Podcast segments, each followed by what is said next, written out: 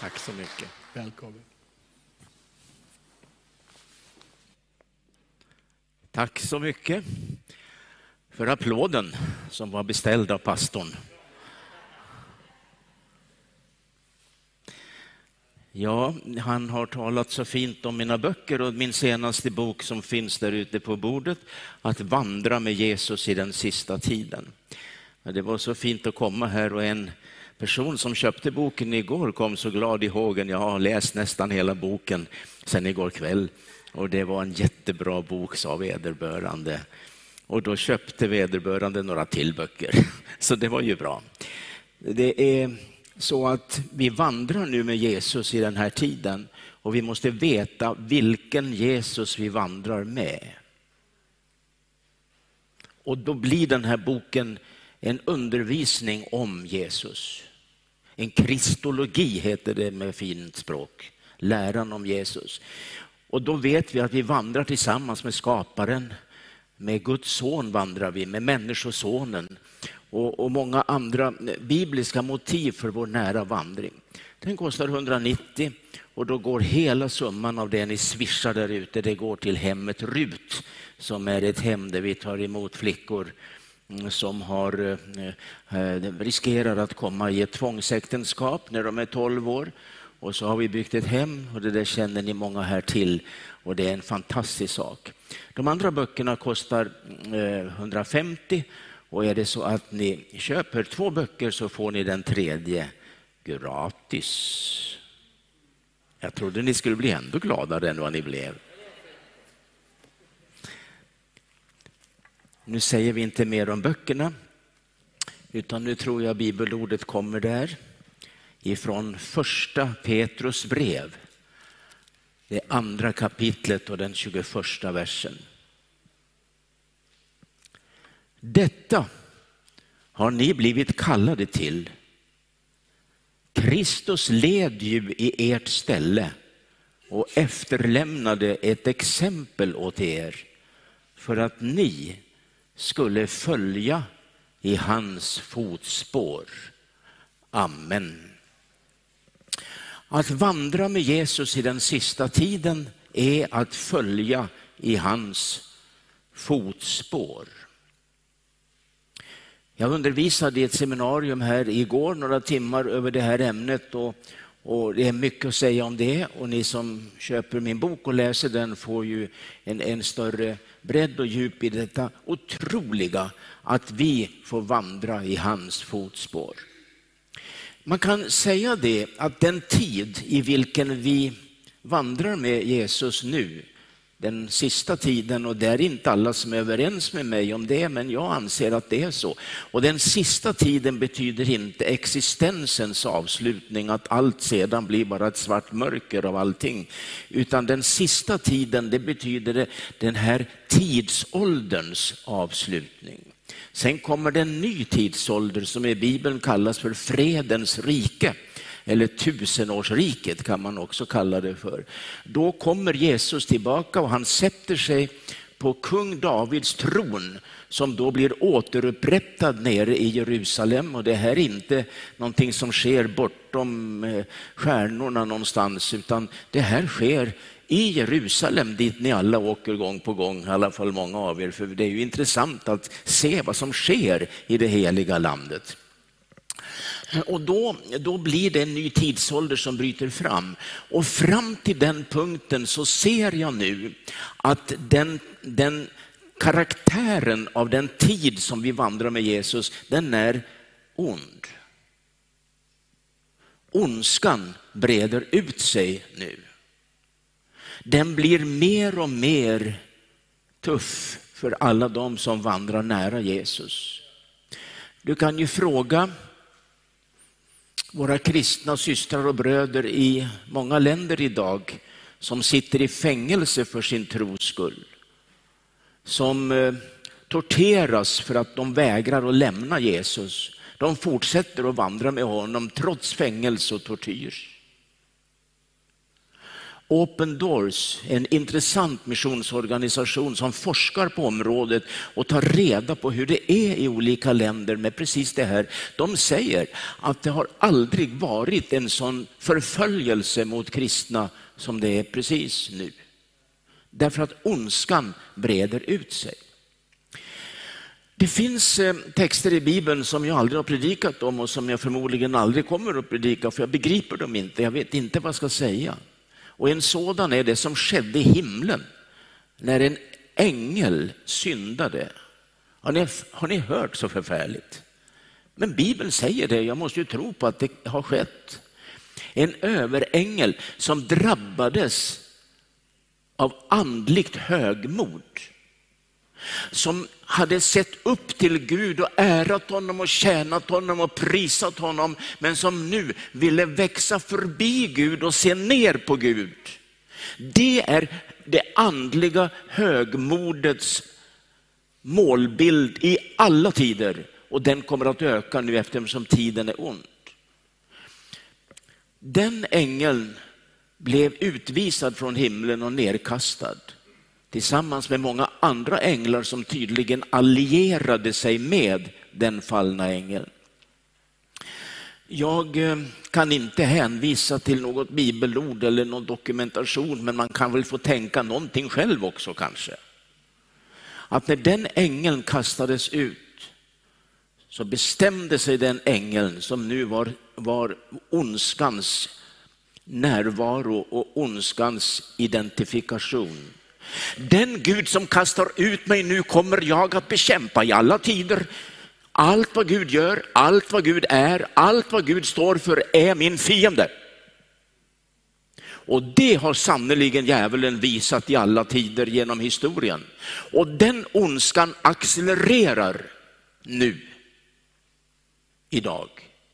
Och därför, de som väljer nu att vandra med Jesus i den sista tiden måste vandra nära Jesus så att vi får ett beskydd ifrån den ondska som nu ökar i intensitet. Och den ondskan är per definition ett uppror mot Gud. Hur är det med skapelsen, med naturen? Det är ju så svårt nu, säger de flesta politiker, att vi måste göra någonting, så nu måste vi ha batteri på cyklarna om vi ska ta oss fram så att vi kan rädda världen och skapelsen. Och jag vill inte vara på något vis eh, skoja med det, för det ligger säkert mycket tankar och bra i det där. Men vet du en sak? Jag märker att ondskans uppror mot Gud i vår tid drabbar till och med skapelsen. Och när jag läser, studerar Uppenbarelseboken så finner jag ju detta att havet ska först bli fördärvat till 30 procent och sen till en tredjedel, förlåt, och sedan ska det bli fördärvat till 100 procent. Men är det inte det de säger i debatten? Att det är hotat. Och den som vill läsa och försöka fatta vad FNs klimatpanel säger. Och då handlar det om världens mest framstående vetenskapsmän och forskare som jag nästan får en frestelse att tro att de först har läst uppenbarelseboken, kopierat texten och låtit det bli grund för deras forskning.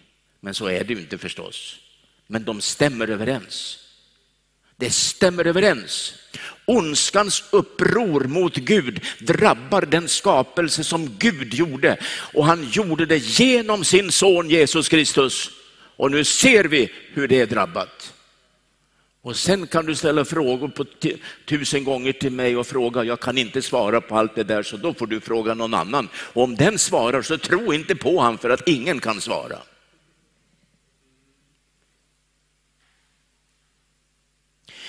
Den ondska som vi nu har i världen när vi vandrar med honom, den är antisemitisk. Den andemakten trodde många var bekämpad i och med andra världskriget. När sex miljoner judar dog i kliniska gaskamrar nere i Europa. Det kommer aldrig att ske igen, sa man.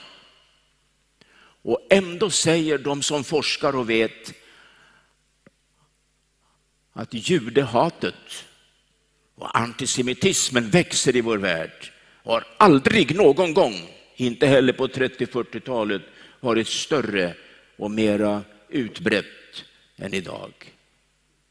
Uppror mot den Gud som sa till Abraham att du är kallad som stamfader och du ska få föda genom ditt folk den Messias och den frälsare som i sin tid ska födas. Och det upproret mot Gud visar sig i hatet mot det folk genom vilket Jesus föddes.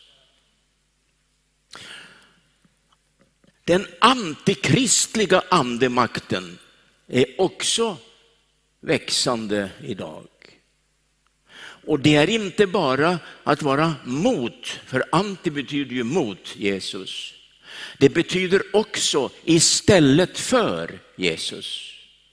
Och därför kämpar vi idag i många sammanhang med de teologiska frågorna och lärorna utifrån kristen tro etc. Är Jesus den enda frälsaren? Finns det inte flera herrar och väldigheter i andevärlden som måste respekteras? Och den mångfald i så fall av frälsare, det blir ett äventyr för de teologer som ska reda ut det, vem som står först och sist eller ska de stå jämställt alla? Upproret mot Gud i ändetiden, då vi ska vandra med Jesus och vänta honom tillbaka, är en tid då det antikristliga inte bara är mot Jesus, utan man tar bort Jesus och sätter någon annan istället. Jag hinner inte utveckla det mer, jag får lämna det så. Men ett faktum är att det här är en sak vi får kämpa med. Och därför, medicinen mot detta det är att vandra så nära Jesus nu så att vi inte lockas av andra messianska gestalter, frälsare, läror etc. Och ett faktum är att Bibeln varnar mycket för det här i de sista tiderna, säger Paulus, då ska det uppstå falska profeter som predikar ett annat evangelium. Och då ska man till och med höra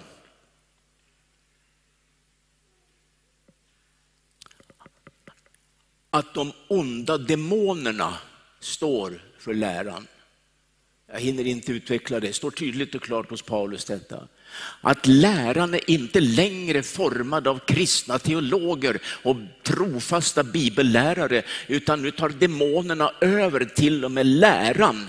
Och då måste Guds folk vara mycket, mycket, mycket nära Jesus i sin vandring, så att vi blir bevarade i vår syn på bibelordet och på Jesus och att vandra nära Jesus är att vandra så nära honom så att vi känner hans hjärteslag. Så att vi hör hans röst. Så nära ska vi vandra. Och den som får distans till Jesus, man släpar efter och kommer hundra meter efter hör inte vad han säger. Känner inte pulsen, andedräkten. Och när den utvecklingen tillåts fortsätta kommer Jesus att försvinna så småningom bakom någon vägkrök under livets vandring. Och andra, som jag sa här igår, de vill inte komma efter Jesus. De är så ivriga så de springer förbi Jesus och får distans därför att de ligger hundra meter före honom i sin vandring. Och det är lika illa, för då uppstår också distans till Jesus. Och det, det stavas andligt högmod. Det finns till och med förkunnare, predikanter, präster och prelater och biskopar och vad som helst, olika titlar i Guds församling som tycker att Jesus går lite för sakta. Han kallade ju lärjungarna att gå i stilla mak. inte springa. Ingen gång läser jag i skriften om att Jesus torkade svetten på pannan och pustade ut för han hade sprungit en hel mil med dem och nu var de jättetrötta. Han gick så sakta att han visade dem på liljorna på marken. Och hörde fågelsången. Så sakta går Jesus. Och du som är en ivrig karismatiker, du vill elda på lite. Ska vi vinna världen måste vi springa fortare, fortare, fortare och lite till och pressa lite till för världens frälsning. Men då springer du för fort. Om du vill gå i takt med Jesus, för i den takten nådde han fram till sitt livs crescendo, döden på korset och uppståndelsen från de döda. Att vandra med Jesus i den sista tiden är alltså att vandra i en ond tid. Och Paulus skriver på ett ställe på tal om uteslutningar, att man kan utesluta folk från församlingen. Den som är ond ska du utesluta eller visa bort. En del tror att man ska utesluta de som är svaga eller de som tycker annorlunda än pastorn. Eller de som tycker att eh, styrelsen inte sköter sitt jobb så bra, så då kan man ju utesluta dem. Det finns sådana exempel till och med i modern tid. Jag vet ju det. Jag är mentor i olika församlingar och jag har sett ganska mycket hemska saker av den varan in i heliga rum. Och därför kan jag tala om det och säga det, att en enda kategori som kan visas bort, det är den som är ond per definition. Den kan inte få plats i himlen, för ingen ondska kommer in där, står det. Och den kommer inte in i det heligas gemenskap. Då måste man först öppna för den gudomliga godheten som, som driver bort ondskan. Och så kommer godheten, för Guds ande kallas i Saltarboken för Guds gode helige ande. Jag har ett speciellt kapitel i min nya bok, det sista kapitlet. Och det är ett kapitel som jag har hittat på alldeles själv. Och det är väl bra att en författare kan få hitta på något själv, eller hur? Den heter Den karismatiska bilen. Låter det spännande? Jag tycker ni ska köpa boken bara för det kapitlet. Om ni inte vill läsa så läs det. Och nu ska jag läsa några rader ur det. Vill ni höra det? Men då köper ni inte boken förstås. Berättelsen om den karismatiska bilen är en anekdot, vilken vi kan lära något av för vår fortsatta vandring med Jesus. Bilen var vacker med sina karismatiska former och färger. Ägaren älskade sin bil och körde den så ofta som möjligt. Efter långsidorna fanns röda fartränder och motorn var utrustad med många hästkrafter. Fyra breda däck garanterade att bilen kunde köras i hög fart utan missljud. Och stereon var av bästa slag med många starka högtalare ur vilka lovsången flödade. Ägaren älskade att köra fort och den starka motorn kunde accelerera från norr till 100 på några sekunder. I hög fart hördes lovsången från bilens högtalare. Herren är stor och helig, vi prisar hans heliga namn. Jesus, vi älskar dig, du är allt för mig, halleluja, kom det från högtalarna. Chauffören sjöng med i lovsången medan bilen körde så fort att fågelsången inte hördes och blommorna på marken aldrig syntes. Bilens ägare tittade rutinmässigt i backspegeln och fann en passagerare i baksätet. Han blev chockad och medan han bromsade bilen och sänkte volymen frågade han främlingen vem han var. Jag är Jesus, svarade han. Halleluja, ropade chauffören. Jesus är med mig i min karismatiska bil, det är ju underbart. Passageraren i baksätet sa inget. Det blev tyst i bilen. Som nu stannat vid vägens kant och lovsången från stereon var avslagen. Vid väggrenen växte blommor och från träden hördes fågelsång. Tycker du om att köra din karismatiska bil? frågade mannen i baksätet. Jag älskar den. Och särskilt den kraftfulla motorn och lovsången som mina högtalare levererar. Jag har åkt med dig i alla år utan att du sett mig. Och därför har du aldrig lämnat ratten till mig.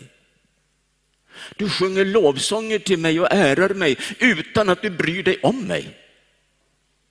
Du har inte ens noterat min närvaro. Du älskar lovsången och karismatiken mer än mig. Den dag vi byter plats kommer din lovsång att bli trovärdig och relevant. Om du har förtroende för mig blir jag din chaufför och du blir min passagerare.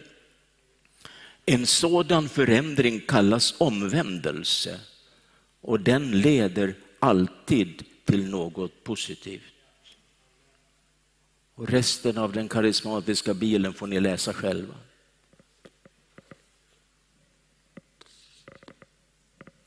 Den som vandrar med Jesus i den sista tiden gör det på riktigt.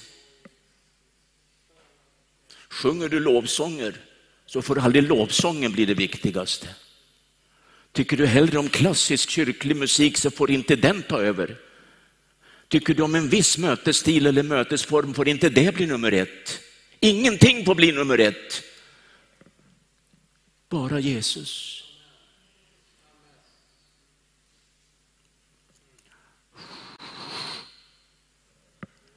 Här har vi något att lära. Medan ondskan attackerar från höger och vänster, upp och ner hela tiden, så håller vi på med det där tjafset. Vad vi ska tycka vara bäst, lovsång och annat hit och dit och vi blir osams ibland. Och ondskan får mer och mer inflytande ju mer vi håller på. Den som vandrar med Jesus med Jesus i den sista tiden måste bli uppfylld av helig ande. Så att vi genom helig ande hör vad Jesus säger. För i de sände brev i Uppenbarelsebokens andra och tredje kapitel har Jesus någonting att säga församlingen. Och han säger, där står det, den som har öron hör vad anden säger till församlingen. Jesus talar och talar och talar och talar, men bara den som har helig ande kan höra. För Jesus säger det själv, när anden kommer då ska han förklara min röst, mitt ord, det jag har sagt och påminna er om mig. Anden är kommunikativ, det är han som förmedlar orden från den Jesus som vi vandrar med. För just precis nu så vandrar vi inte med Jesus fysiskt. Han är inte här, han är på tronen, men är här genom den heliga ande. Och den som kopplar bort den heliga ande och säger den behövs inte nu, den fanns i urkristendomen och inte nu. Den kan inte vandra med Jesus på riktigt, utan då blir Jesus placerad i baksätet på den karismatiska bilen. Och det är kyrkans stora katastrof. Tro mig. Vi har inte råd att förlora den heliga andes flöde inför Jesu återkomst. För det är vår enda chans nu att kunna återupprätta det som ondskan har slagit sönder i många kristna gemenskaper och säkert också här hos oss. Det, varför skulle vi vara ett undantag? Och nu, käre vän, går jag mot avslutningen och säger det att fortsätta att vandra med Jesus så nära innebär att jag älskar honom. Jag sa det igår, säger det nu.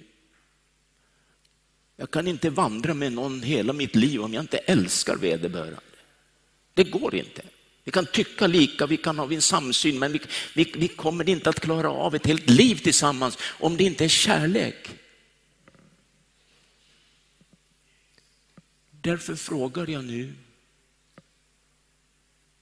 hur har du det med kärleken till Jesus?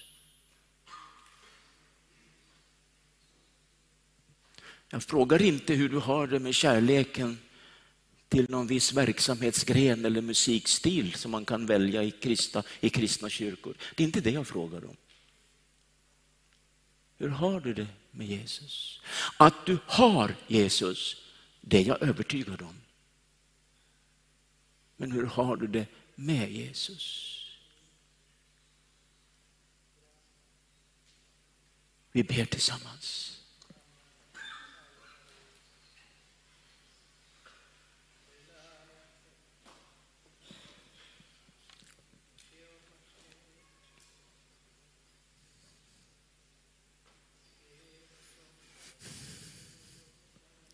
Förlåt oss, Herre, att vi har älskat så mycket annat mer än dig.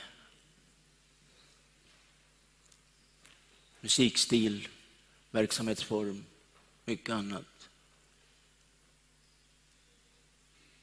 Lär oss av anekdoten om den karismatiska bilen att chauffören äntligen fick syn på det Jesus som hade varit med på hela resan, men osynlig. Inte tagen på fullt allvar.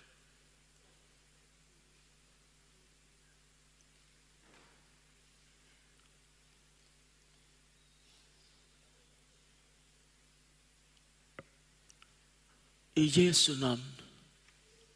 Amen.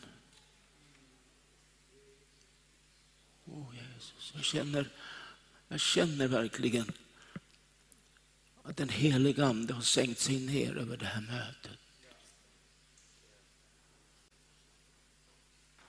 Och jag vill säga en sak till som kanske inte var med i predikan, men jag måste få säga den. Att de två personer som blev omtalade i parentationen här, tack för en fin parentation.